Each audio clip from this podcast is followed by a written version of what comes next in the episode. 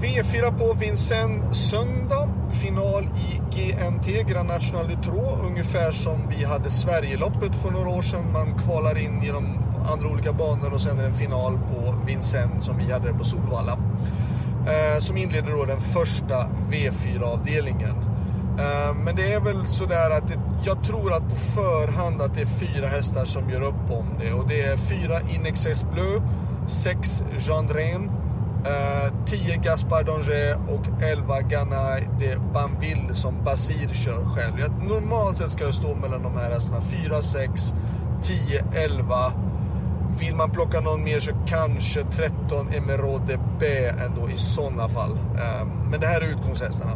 V4 2, samma sak fast i Monté, travridning. Och då tycker jag att 1 Happy Star Dry, 6 Heroes de Bailey 7 Hanna, 10 Have 7 är de som jag tycker på förhand. Alltså 1, 6, 7 och 10 i V4 2.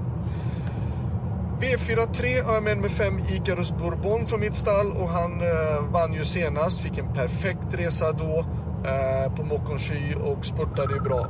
Så det är klart att det ringer alltid någon här i mig. Men nu är det lite tuffare motstånd, men jag tycker ändå att han har formen i Zenit och han ska gå barfota runt om den här gången.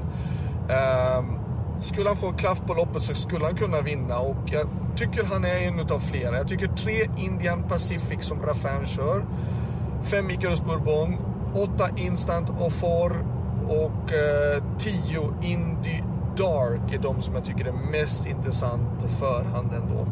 Så att 3, 5 8 och 10 i V43. V44. Eh, 6 Cherev Dubois. 7 Jasmine Debevelle. Jag tycker också det är svåra franska namn. Eh, 8 Jason Ginu och 9 Jingle Dupont är de som är mest intressanta. 6, 7, 8 och 9 avslutar den sista V4-avdelningen på söndagens Vincennes-omgång. Lycka till så hörs vi. Hej då!